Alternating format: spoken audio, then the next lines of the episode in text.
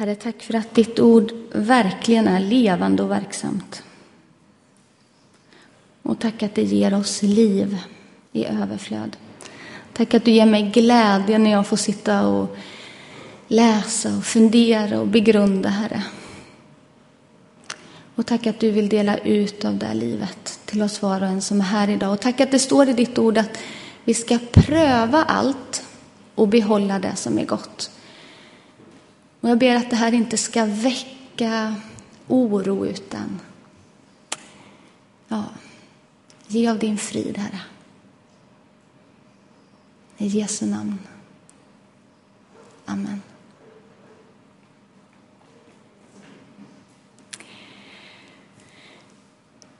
Det här ordet, Karina delade jag med dig för några år sedan. Jag tror att du kanske minns det. Det var så här, för två år sedan så, eh, det var ungefär nu kanske, när sommaren börjar ta slut och man ska gå tillbaka från semester till arbete. Och jag tror att ni kan känna igen er i det att ja, det är lite pirrigt. Det är lite pirrigt. Ska man orka med prestationerna och ska man... Man behöver ju så mycket vishet och man behöver så mycket förstånd och kunskap och ja, man behöver så mycket. Och så känner man att det är lite trögt i starten. Och jag, jag kan säga att jag älskar mitt jobb. Och jag älskar mina kollegor. De är fantastiska. Och jag kan tycka lite synd om mig själv när jag är sjuk och inte får gå till jobbet. För att mina, mina kollegor, du vet, Jesus älskar dem. Han älskar vårt sjukhus. Här. Ja. Men då var det så här att eh, eh vi satt hemma och läste i en andaktsbok. De är väldigt bra. Herren kan tala genom eh, andaktsböcker också. Och då så fick vi läsa ett ord som står i Första Kungaboken 4.29. Då står det så här. Gud gav Salomo så mycket kunskap, visdom och förstånd att det kunde liknas vid sanden på havets strand. Gud gav Salomo så mycket kunskap, vishet och förstånd att det kunde liknas vid sanden på havets strand. Och då funderade jag och så tänkte jag så här, men kära någon, havets strand, så mycket sand, det är ju hur mycket som helst. Det är ju jättemycket, eller hur? Och om man hade så mycket till Salomo, då borde han allt ha lite till mig med. Så med det så blev jag riktigt tänd och så kunde jag gå in i den hösten också. Och nu i år så kom det där bibelordet tillbaka till mig. Eh, att Gud gav Salomo så mycket kunskap, vishet och förstånd att det kunde liknas vid sanden på havets strand. Nu står det ju lite olika i översättningarna, men summan av det blir detsamma.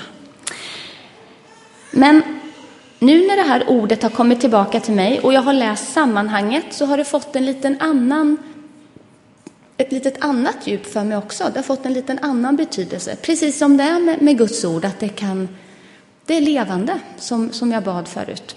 Guds ord är levande. Ni vet, det här avsnittet nu får ni rätta mig om jag säger fel, för ibland blir jag så exalterad så då byter jag på Salomo och David och så rör jag till det lite. Men huvudpersonen i det här som jag delar nu, det är Salomo. Och pappa till Salomo var David. Och David hade en, eh, en äldre bror som hette Adonia, som man inte kanske har talas om så där jättemycket. Och ni vet att eh, eh Salomo var ju liksom destinerad att bli smord till kung. Mm. Det hade David bestämt och det hade Herren bestämt, framför allt kanske man ska säga. Men Adonia, han tyckte inte att det där var någon riktigt bra idé, utan han tyckte nog att det var han som skulle få bli kung, han som var den äldre brodern. Och om man tittar i historien, då är det ju egentligen mest rätt att den som är äldst, som följer i turordning, det är ju den som ska liksom ta över. Det är ju, så har ju kulturen varit. Eh, och då, nu höll David på att bli gammal och han skulle faktiskt till och med avsluta sitt liv. Och Bibeln är ju så detaljerad så det står till och med att han inte höll, han kunde inte hålla värmen, står det om David. Så han fick en fru till som skulle hjälpa honom att hålla värmen. Och ibland blir jag så fascinerad över Bibeln vad har den detaljen där att göra? Jag har ingen teologisk eh, tolkning av det, men jag tycker det är så, det är så snyggt av Gud att liksom peta in de här små guldkornen. Jag, jag blir välsignad av dem. Hur som helst, så Adonia då, Salomos äldre broder. Han började knyta kontakter eh, med rätt sorts människor och liksom, ni vet, skapa grupperingar. Han bjöd in alla sina bröder, men han bjöd inte in Salomo och han bjöd inte in Natan som var profet i det här sammanhanget och David visste ingenting heller, pappa David. Och så offrade han så det skulle se rätt ut och så, så att folket till och med, de, de trodde ju på det här. Nej, men det är nog inte Salomo som ska bli kung utan det är nog Adonia som ska, som ska bli kung här. Och de började understöda honom och inte bara att han bjöd på middag och ordnade fester för vissa av människorna utan nej, han offrade också gödkalvar och slaktade som man skulle och sådär för att det skulle se andligt och rätt ut. Och han gick bakom ryggen på David och på Salomo och på profeterna. Men ni vet, Gud han är större. Eh, han är större. Så David han fick ju reda på det här tids nog och liksom skipade ordning på det. Salomo smörjs till kung i alla fall. Eh, när Adonia får reda på det här, att eh, de har nog kommit på att det inte riktigt blev, att jag, jag höll på med något jag inte skulle hålla på med, så blir Adonia rädd. Och han rusar till altaret. Och vet ni vad som fanns på altaret? Det fanns ett horn, eller egentligen fyra horn finns beskrivet på vissa altare. Men där fanns ett horn. Och det här hornet det bestänktes med blod. Och om man sprang till det här hornet och grep tag om det så var det eh, en symbol på att man stod under eh, Guds frälsande och räddande beskydd. Och vilken bild det är på våran Jesus, eller hur? Hans blod och hans beskyddande och räddande nåd. Att vi får springa dit när vi har tokat till det som vi gör, om inte varje dag så i alla fall några gånger i veckan. Och Lukas han, han förstärker det här och uttrycker i, i kapitel 1, tror jag det är, vers 69, att han, Herren, har upprättat åt oss ett frälsningens horn i sin tjänare Davids släkt. Ett frälsningens horn. Vi får springa till frälsningens horn, till Jesus och gripa tag om honom när vi har tokat till det i våra liv. Salomo smörjs till kung, men innan David dör så säger David så här till Salomo, till sin son, ger han honom en uppmaning? I Första Kungabok 2 och 3.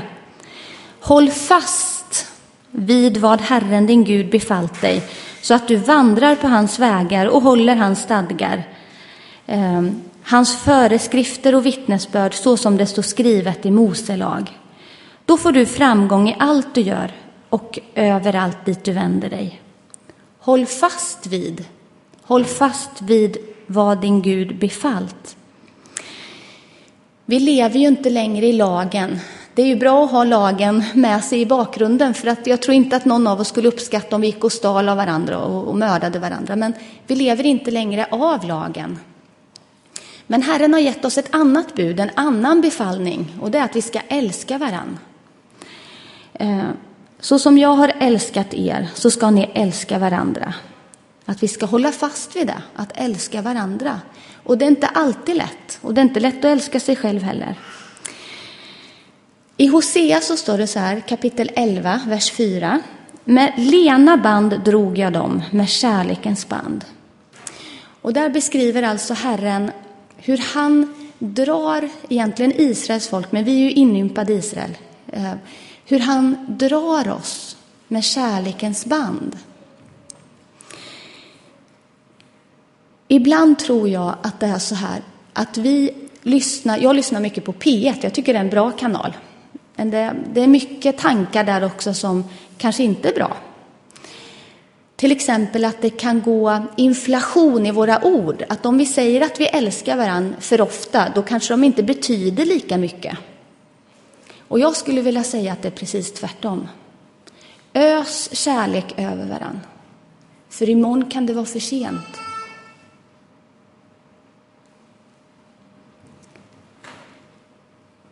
Jag tror inte att man ska vara rädd för att ha band till varann. Det finns väl band som inte är bra, men kärlekens band, de är bra. För de kan få dig att kunna älska en människa igenom en trång passage.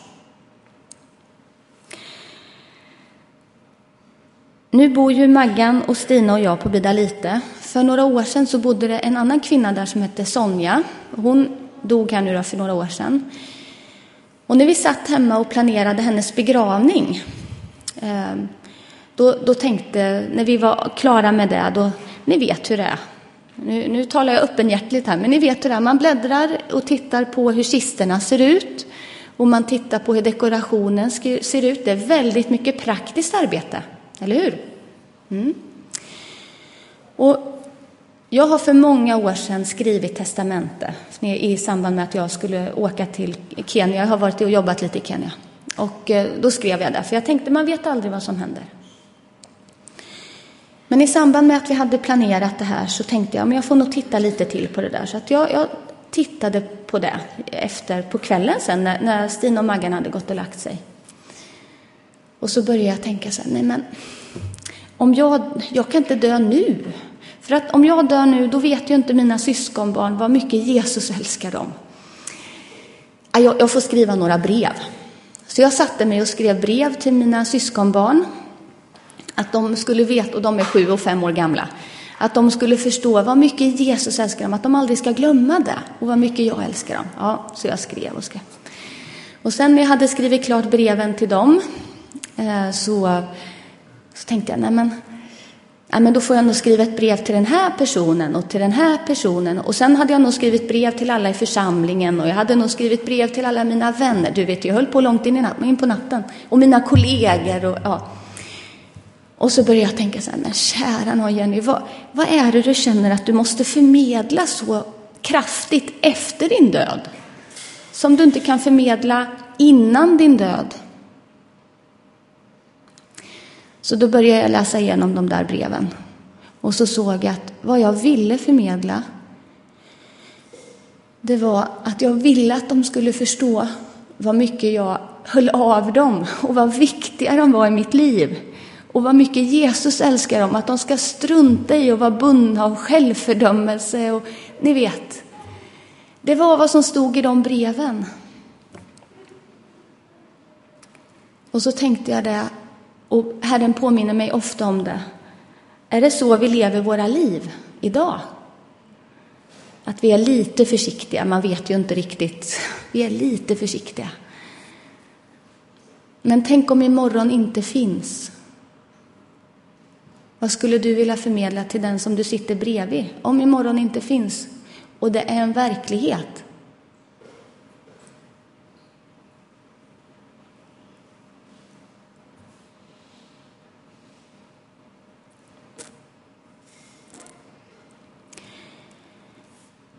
Herren kommer till Salomo i en dröm. Och så säger Herren så här till Salomo i Första Kungaboken 3 och 5. Bed mig om det du vill att jag ska ge dig. Och ni kan ju dra parallellerna till Nya testamentet. Be om vad ni vill. Vi får ju be. Det står ju det upprepade gånger. Och Salomo svarar då Herren så här. Du har visat stor nåd mot din tjänare David därför att han vandrade inför dig i sanning och rättfärdighet och med ett ärligt hjärta emot dig. Ett ärligt hjärta. Det är där Salomo börjar. Han börjar med att bekräfta vad Herren redan har gjort. Du har varit trofast mot David, mot dem som har gått före.